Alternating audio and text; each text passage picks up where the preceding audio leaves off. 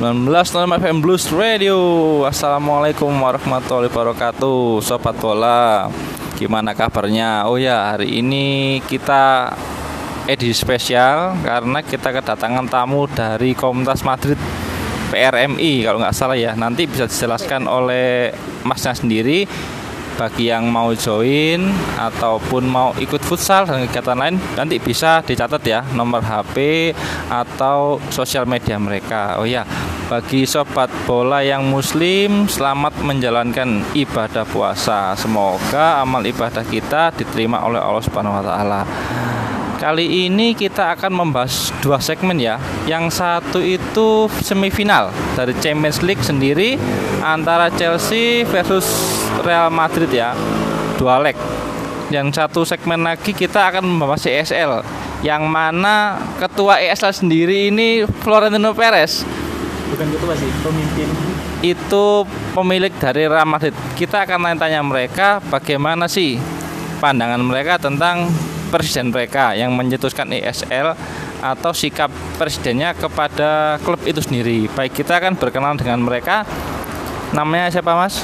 Saya Eko dari divisi membership PRMI Surabaya.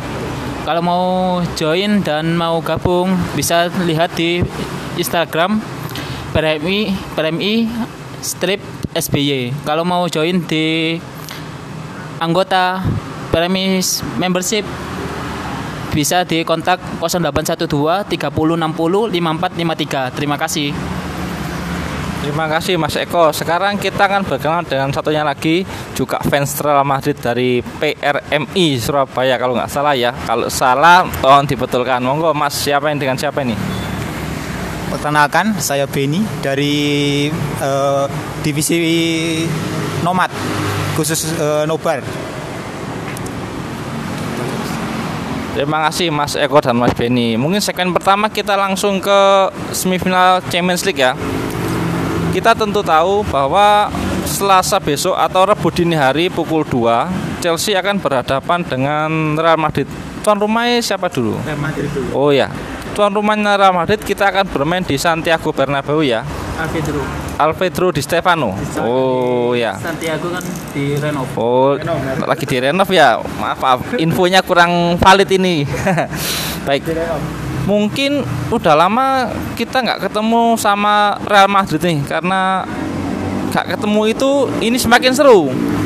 Bagaimana kita akan berbicara pandangan kita strategi atau head to head antara Real Madrid versus Chelsea. Menurut Mas Eko sendiri bagaimana persiapan Real Madrid di leg pertama di Alfredo Di Stefano? Monggo Mas Eko. Kalau Real Madrid sendiri kan kita ketahui jadwal pertandingan kan cukup cukup padat. Sehingga ya banyak yang cedera terus ya terus faktor Covid juga. Jadi Zinedine Zidane itu harus memutar otak dan memanggil beberapa pemain Castilla biar siap main gitu mas. Terima kasih mas Eko. Untuk pemain yang cedera sendiri atau tidak bisa dimainkan mungkin Mas Beni bisa menjelaskan. Bagian divisi nobar nih pastinya lebih tahu seluk beluk pemainnya yang nggak bisa main atau yang lagi on fire. Bisa dijelaskan Mas Beni Iya, kalau untuk cedera ya sendiri ya nggak bisa bohong ya. Madrid ini kan kena badai cedera gede-gedean. Terakhir kita lawan sampai 9 pemain kita nggak main. Bayangin 9 pemain kita nggak bisa main karena ada yang cedera, covid kayak kemarin uh, Varan pas uh, second leg lawan Liverpool beberapa jam sebelumnya udah diumum dia nggak bisa main gara-gara covid. Wah itu sebenarnya parah parah banget uh, cedera di Madrid itu parah sampai 9 pemain pas terakhir lawan Cadiz kemarin. Kalau ngomongin pemain ya uh, sa saya pikir yang paling oke okay nanti mungkin Varane udah bisa ikut main. Terus mungkin duet sama Nacho atau Militao ya, moga-moga Mendy-nya udah bisa main. Mungkin yang yang yang riskan ini di bek kanannya. Karena Carvajal ini kan masih 50-50 uh, terus untuk pelapisnya Lukas masih cedera Mungkin nanti yang bisa dipaksakan siapa? Sini bek kanan itu. Iya, back dari Castilla itu.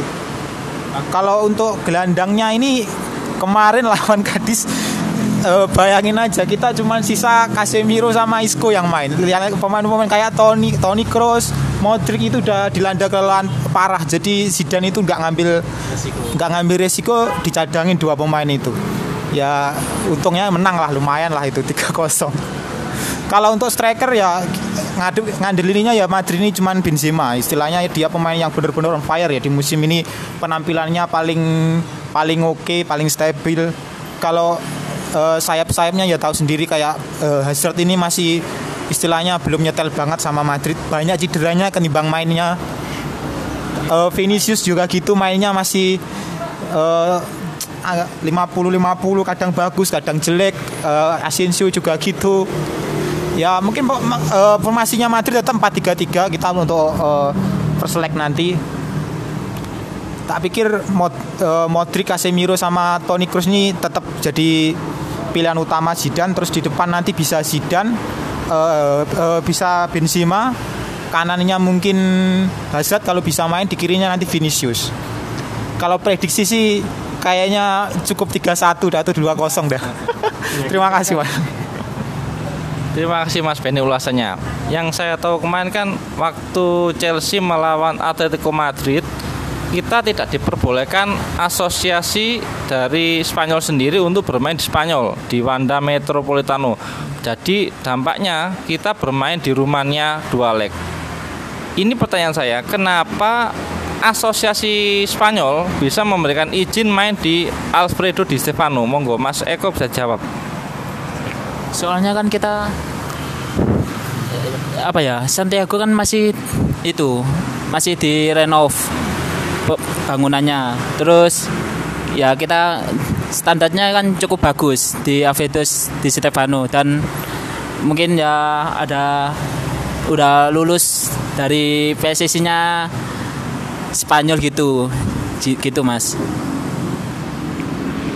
Mungkin maksud saya bukan ke bangunan ya Mas Eko ya. Ini karena Covid ya. Karena asosiasi Spanyol sendiri yang saya tahu kemarin Chelsea melawan Atletico Madrid itu sendiri mereka berdalih bahwa tidak mau menerima klub dari Liga Inggris mana pun. Jadi mau tidak mau game dibuang ke rumahnya. Lah, ini main di Spanyol di Alfredo Di Stefano di kota Madrid. Ini kenapa kok bisa diperbolehkan? Mungkin Mas Benny bisa bantu jawab. Monggo Mas Benny. Covid, Covid. Covid. Covid.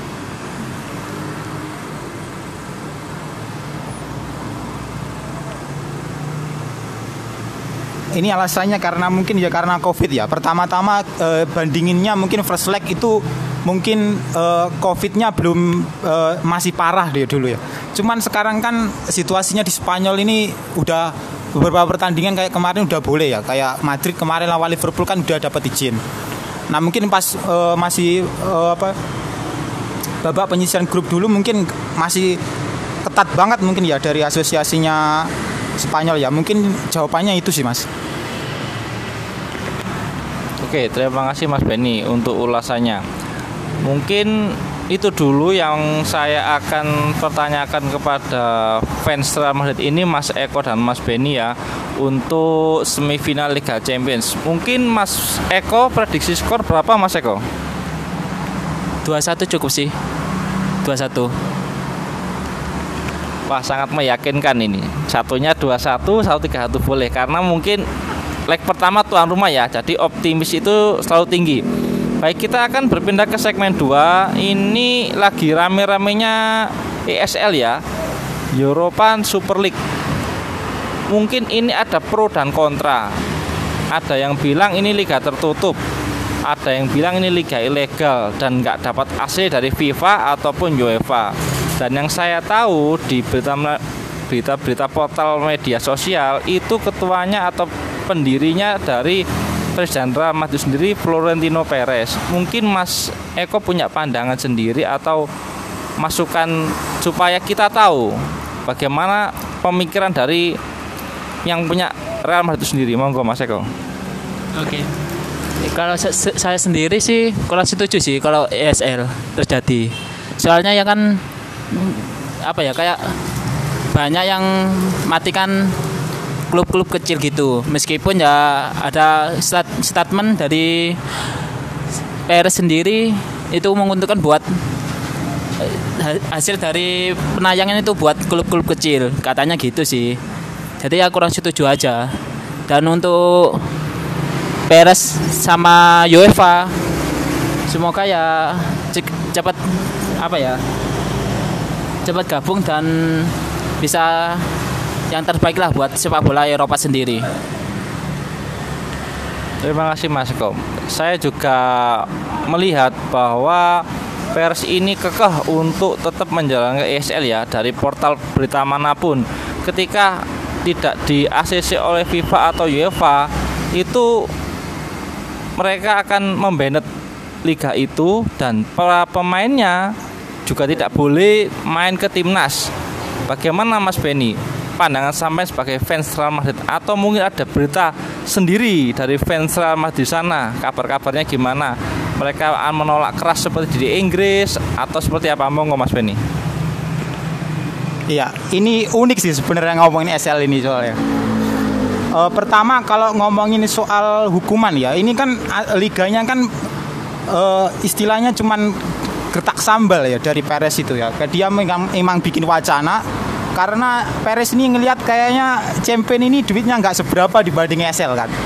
Ya, ya faktor pertamanya uang ya. Eh, Kalau kalau ngomongin duit ya, FIFA ini sama UEFA ini kan bukan bukan bukan eh, bukan badan yang bersih ya tahu sendiri lah beberapa kasus kayak korupsi itu kan di FIFA itu gede banget ya ambil contoh kayak Platini Platini itu presidennya UEFA bisa kena bisa kena jiduk sama FBI sama sama Blatter, Sepp Blatter, presidennya FIFA itu juga kena kasus. Kasusnya sama ya korupsi ya. Mungkin Pereznya ngelihatnya kayak nggak ada transparansi dari dari UEFA sama FIFA-nya ini. Mungkin dia kayak bikin gertak, bikin inisiatif untuk bikin liga yang sebenarnya kita bisa loh bikin liga yang gede kayak gini tanpa harus eh, tanpa harus eh, ngandelin ngandelin UEFA atau FIFA. Mungkin mungkin.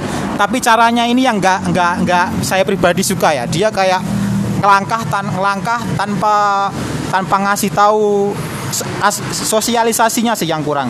Jadi kayak pihak pihak pemain kayak pelatih ini kan banyak yang nggak tahu tiba-tiba idenya boom selama dua hari internet di di mana heboh semua gara-gara idenya Perez ini. Benarnya Perez ini kan udah lama udah dari 2009 ya dia ingin ngebentuk sebuah liga liga super yang isinya nanti pemain eh, klub-klub bintang Nah, yang nggak suka ya emang ini nggak ada degradasinya. Ini unik sebenarnya. Tapi kalau kita ngomongin ISL sama UCL, ini sebenarnya sekarang ada miripnya. Ini miripnya apa? Kita nggak kita heboh soal UC, eh, soal soal ISL, tapi kita nggak tahu format kita nggak kita dibodohi kan. Format UCL tahun 2004 2005 ini dua- 2024 2025 ini sama sama UCL eh, sama ISL. Jadi nanti ada tambahan 4 pertandingan, sistemnya bukan eh, babak eh, play eh, ya penyisian grup lah fase gugur lagi jadi nanti dibagi dua tim masing-masing tim itu 10-10 sama jadi kalau kita heboh eh, ke track back kembali ya kemarin tuh gundukan itu sempat sempat heboh kalian soal protes soal soal ISL tapi kita, kita semua udah udah kelewat dibohongin sama UEFA soal format Liga Champions yang baru ini kan lebih lebih sama aja bohong gitu istilahnya jadi menurut gue saya, menurut saya unik ya ini ESL ini ya. Mungkin idenya ya aneh dari Perez ini. Kayak dia Perez ini apa ya? Futuristik gitulah, unik orangnya. Dia bisa ngelihat kayak dia pernah saya ingat betul kayak waktu dia pernah ngomong kayak gini. Eh, soal soal ini soal jam soal jam pertandingan ya. Dia ini pernah pernah ngomong kalau jam eh, pertandingan sepak bola itu terlalu banyak. Jadi istilahnya 90 menit ini untuk Perez terlalu terlalu panjang. Ini sama kayak Agnelli, presidennya Juventus itu udah, ngo- udah ngomong kalau pertandingan ini 90 menit ini untuk sekarang se- terlalu panjang. Sampai Agnelli itu ngomong harusnya pertandingan itu cuma 60 menit atau 50 menit cukup. Ini unik sekali kalau dilihat pandangannya mereka ya. Mereka berani gertakan. Ini sebenarnya gertakannya ya bagus istilahnya nyadarin nyadarin UEFA sama FIFA bahwa mereka itu nggak nggak bisa semena-semena eh, dan harus transparan ya Soalnya kita ya tahu ya hadiah champion hadiah UCL itu berapa sih? Mentok 80 80 juta euro. Sampai tahu sekarang beli pemain 80 juta euro dapat apa? Hadiah champion itu kecil kalau dibandingin sama ESL ya. ESL itu jauh lebih gede. Ya mungkin ini uh, dari dari FIFA-nya harus UEFA-nya harus harus sadar, harus berbenah. Ya mungkin uh, kemung uh, ke depannya dia UCL lebih gede terus transparansi yang penting itu. Jadi presiden itu kan kita, kita kan uh, dua hari ini kan heboh sama soal Alexander Severin presidennya UEFA itu naik gajinya kan selama pandemi itu kan dia naik gaji sendiri dari usulan dia sendiri itu kan luar biasa. Jadi dia presiden nggak uh, ada yang audit, nggak ada yang segala macam. Jadi kayak keputusan di tangan dia absolut. Jadi itu sebenarnya nggak boleh kalau di, di olahraga mana pun ya. Keputusan absolut dari sebuah organisasi itu malah bikin korup ya semoga uh, ya cuman saya sendiri mikir kayak caranya caranya Peres saja yang nggak bener ya gitu aja sih. Terima kasih mas. Wah menarik mas Benny ulasannya sampai mendetail. Jadi kita tahu bahwa pemikiran Peres itu seperti apa mas Benny. Mungkin di sana nggak ada demo mas Eko. Semua fans di Liga Inggris pada demo. Terbaru Chelsea terakhir kemarin ada Arsenal yang beratus-ratus orang kalau fans garis keras Real Madrid sana sendiri bagaimana Mas Eko? Apakah melakukan penolakan atau seperti apa? Monggo Mas Eko. Saya tahu Ultrasur dari garis keras fans club Real Madrid. Itu ya semua demo. Demo terhadap ESL demo terhadap Peres sendiri gitu. Apalagi kan Peres sama Ultrasur kan gak, gak belum damai gak dukun terakhir ya tidak tidak boleh masuk ke stadion Santiago ya Ultrasur sendiri gak, tidak dibolehkan gitu mas makasih berarti menurut Mas Eko juga demo sana dan beritanya ultras garis keras juga demo ya. Iya. Wah, berarti nggak di Inggris aja. Fans dari Madrid sendiri pun di sana juga demo. Jadi semakin menarik ini. An perang antara ESL dan UCL belum berakhir. Di UCL sendiri yang dipegang oleh FIFA itu terjadi korupsi dan tidak ada transparansi dana kepada semua klub. Bahkan kata Mas Denny sendiri Mas Benny sendiri ada kenaikan gaji Mas Benny ya dari Presiden FIFA ya. Nah, ini sangat sangat disayangkan buat saya. Ini juga saya baru tahu bahwa presidennya juga mengkayakan diri. Kalau saya nggak tahu Mas Benny juga nggak akan bakal tahu cerita seperti ini. Oke Mas Benny dan Mas Eko mungkin terakhir yang saya tanyakan adalah bagaimana sikap dari Samen sendiri ketika nanti UCL berubah format? Kan formatnya sama tetapi perbedaannya adalah di setiap liga ada klasmen jadi dilihat dari klasmennya kan masuk UCL format UCL kan berbeda jauh dengan format yang sekarang. Tanggapan sampean Mas Eko gimana? Format. Ya semakin padat sih mas menurut saya. Apalagi kan ini aja berapa minggu eh dua minggu ada 7 sam 7 sampai 6 pertandingan ya gitu. Jadi kita harus memutar otak sineti sidannya itu. Ya kadang memanggil pemain Kastilanya gitu. Terus banyak yang cedera terus belum lagi covid. Jadi harus sebelum pertandingan ya harus cek negatif atau positifnya itu sendiri. Terus menurutku ya kurang setuju sih format. Meskipun harga hadiahnya ya agak tinggi tetap aja jadwalnya semakin padat dan semakin banyak. Semakin banyak cederanya juga sih mas. Makasih. Terima kasih Mas Eko. Untuk Mas Ben sendiri pandangannya untuk format UCL musim depan gimana Mas Beni? Ya ngomongin format ya UCL ya. Ini menarik sih sebenarnya. Mungkin formatnya ini kan masih digodok. Idenya itu kan dari presidennya Juve Agnelli ya. Agnelli itu beberapa tahun lalu ngomong kayak format ucil ini nih nggak nggak nggak udah udah udah kuno istilahnya Agnelli pernah ngomong kayak gitu jadi formatnya nanti bikin sama ESL jadi kayak uh, 10 10 10 tim 10 tim jadi dua grup nanti uh, jadi istilahnya kayak benar-benar dibikin liga nah yang kita kan ngomongnya soal hadiah ngomongin soal uh, soal uangnya. Cuman kita kan dari sisi pemainnya itu sebenarnya yang paling sengsara itu sisi pemainnya. Soalnya kayak dia kalau sampai istilahnya dari fase pertama sampai juara itu kan kalau nggak salah sampai nambah lima pertandingan dari format UCL sekarang ya. Jadi yang paling korban siapa? Ya pemainnya. Unik sekali sebenarnya. Budo kan kemarin sempat nge-tweet kan dia. Kayak kalian itu heboh yang tetap jadi korban itu kita. Ngomongin soal soal pertandingan sekarang emang gila. Gilanya gini. Toni Kroos ini Desember lalu pernah nge-tweet kayak gini. Dia di Twitter. Dia, komplain masalah eh, Liga Liga Eropa, Liga Super Eropa kan itu.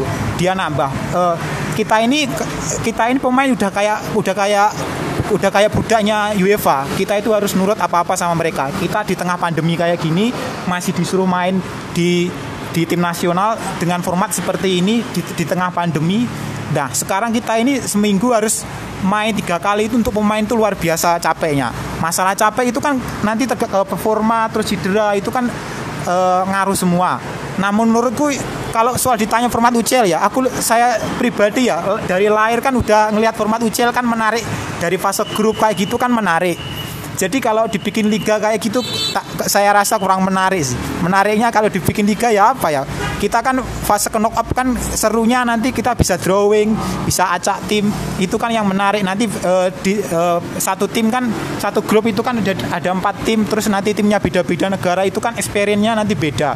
Misalnya kita nggak cuma ngomongin materi ya, misalnya tim kayak tim antah berantah, misalnya Copenhagen, tim-tim Swiss atau tim-tim dari Eropa Timur, itu kan kalau ketemu tim gede kan kesempatan langka. Jadi kalau di format UCL kayak gitu ya kurang seru aja sih. Enaknya tetap format sekarang mungkin price poolnya digedein atau ya mungkin itu aja lah. Untuk tapi untuk liga-liga kayak uh, Liga Eropa, Liga Super uh, Nasional tim tim super nasional itu nggak nasional league itu nggak nggak perlu. Itu sekarang kan itu udah ada Euro. Untuk apa liga itu ada kan? Itu aneh juga sebenarnya dari FIFA. Lah untungnya dari FIFA ya dari UEFA nya ya apa? Ya bangero untuk uh, duit sebanyak banyaknya tanpa peduli pemainnya kayak apa tanpa peduli pemainnya bisa protes kayak apa apa kan itu jadi ya saya uh, kalau ditanya format UCL yang baru saya nggak sangat setuju itu itu uh, nggak menarik menurut saya terima kasih mas Terima kasih Mas Benny ulasannya menarik sekali. Oh ya, ini yang terakhir adalah kita akan menginfokan kembali bagaimana kalian para fans Real Madrid di Surabaya tentunya untuk join ke PRMI nanti akan diinfokan oleh Mas Eko kembali. Tolong didengar dan dicatat ya. Untuk nobar mungkin akan diinfokan Mas Benny karena Mas Benny tadi barusan berucap bahwa dia adalah pengurus nobar dari PRMI nanti bisa nobar dengan PRMI seru-seruan di mana nanti tolong didengarkan ya. Monggo Mas Eko diulang kembali. Baik yang mau yang futsal bagi fans club Real Madrid maupun Chelsea untuk join di futsal hari Selasa tanggal 27 April 2021 jam 21 sampai jam 11 malam di Gol Futsal Mangga 2. Terima kasih. Terima kasih Mas Eko. Untuk nobar mungkin ada dari PRMI yang akan diinfokan oleh Mas Beni. Ya, buat teman-teman uh, Chelsea semua atau PVRP Madrid, kalau untuk nobar sendiri ya kita uh, uh, Rabu dini hari ya, jadi Selasa malam uh, untuk tempatnya di M Radio. Nanti pukul kick off-nya pukul 2. Jadi kita open gate-nya mungkin setengah dua udah open gate. Nanti uh, datang aja ke M Radio mungkin di lantai 2. Nanti tempatnya udah udah siap tersedia thank you ya Terima kasih Mas Eko dan Mas Beni ya Sangat menarik dan tamu-tamu saya ini sangat berkompeten untuk menjawab keresahan sampean-sampean yang mengetahui ESL pendirinya dari Madrid itu sendiri. Jadi kita tahu info-info terbaru tentang Peres dan ESL tersebut. Oke, terima kasih sobat bola di sini.